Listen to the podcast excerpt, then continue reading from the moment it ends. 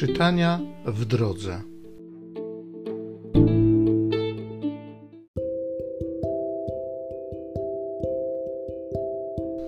Z Księgi Rodzaju.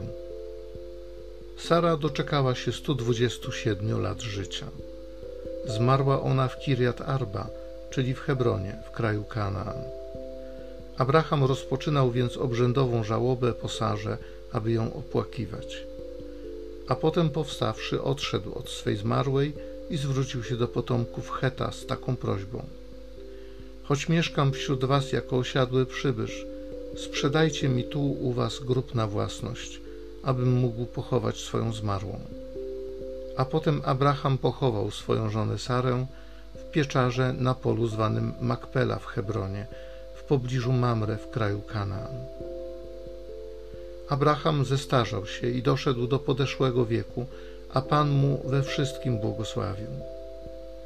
I rzekł Abraham do najstarszego swego sługi, który był zarządcą całej jego posiadłości: Połóż mi swą rękę pod biodro, bo chcę, żebyś mi przysiągł na Pana, Boga nieba i ziemi, że nie weźmiesz dla mego syna Izaaka żony spośród kobiet Kanaanu, w którym mieszkam, ale że pójdziesz do mego kraju i do mojej rodziny i wybierzesz żonę dla mego syna Izaaka.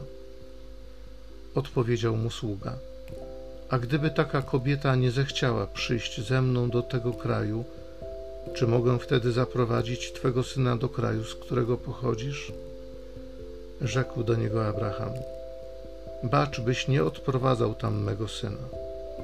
Pan Bóg niebios, który mnie wywiódł z domu mego ojca i z mego kraju rodzinnego, który mi przysiągł, potomstwu Twemu dam ten kraj. On pośle swego anioła przed Tobą. Weźmiesz stamtąd żonę dla mego syna. A gdyby owa kobieta nie chciała przyjść z Tobą, wtedy jesteś zwolniony z tej przysięgi. Jednak syna mego nie wolno Ci tam odprowadzać. Sługa ów zabrał z sobą dziesięć wielbłądów oraz kosztowności swego pana i wyruszył do Aram na Haraim. Tam sługa Abrahama wziął bratanicę pana swego Rebekę za żonę dla syna Abrahama. Wyprawili więc Rebekę i jej piastunkę ze sługą Abrahama i z jego ludźmi. Izaak, który naówczas mieszkał w Negebie, właśnie wracał od studni Lachajroi. Wyszedł bowiem zamyślony na pole przed wieczorem. Podniósłszy oczy, ujrzał zbliżające się wielbłądy. Gdy zaś Rebeka podniosła oczy, spostrzegła Izaaka. Szybko zsiadła z wielbłąda i spytała sługi: Kim jest ten mężczyzna, który idzie ku nam przez pole? Sługa odpowiedział: To mój pan. Wtedy Rebeka wzięła zasłonę i zakryła twarz. Kiedy sługa opowiedział Izaakowi o wszystkim, czego dokonał, Izaak wprowadził Rebekę do namiotu Sary swej matki. Wziąwszy Rebekę za żonę, Izaak miłował ją, bo była mu pociechą po matce.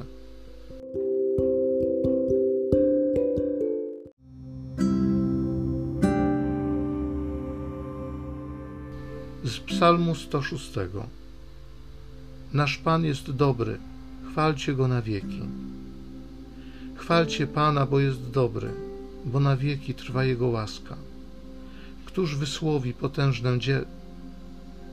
Któż wysłowi potężne dzieła Pana i rozgłosi całą Jego chwałę? Szczęśliwi, którzy strzegą przykazań i sprawiedliwie postępują w każdym czasie. Pamiętaj o nas, Panie, gdyż upodobałeś sobie w Twym ludzie. Przyjdź nam z pomocą, abyśmy ujrzeli szczęście Twych wybranych, cieszyli się radością Twojego ludu, chlubili się razem z Twym dziedzictwem. Nasz Pan jest dobry, chwalcie Go na wieki.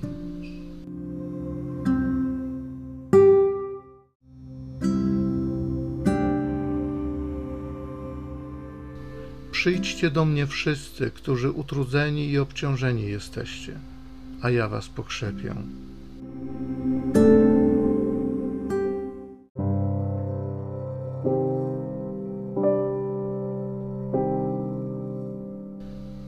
Ewangelii według świętego Mateusza.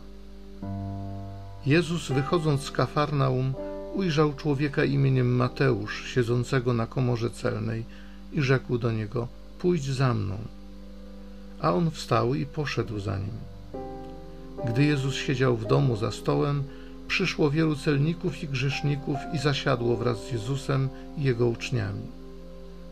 Widząc to, faryzeusze mówili do jego uczniów: Dlaczego wasz nauczyciel jada wspólnie z celnikami i grzesznikami?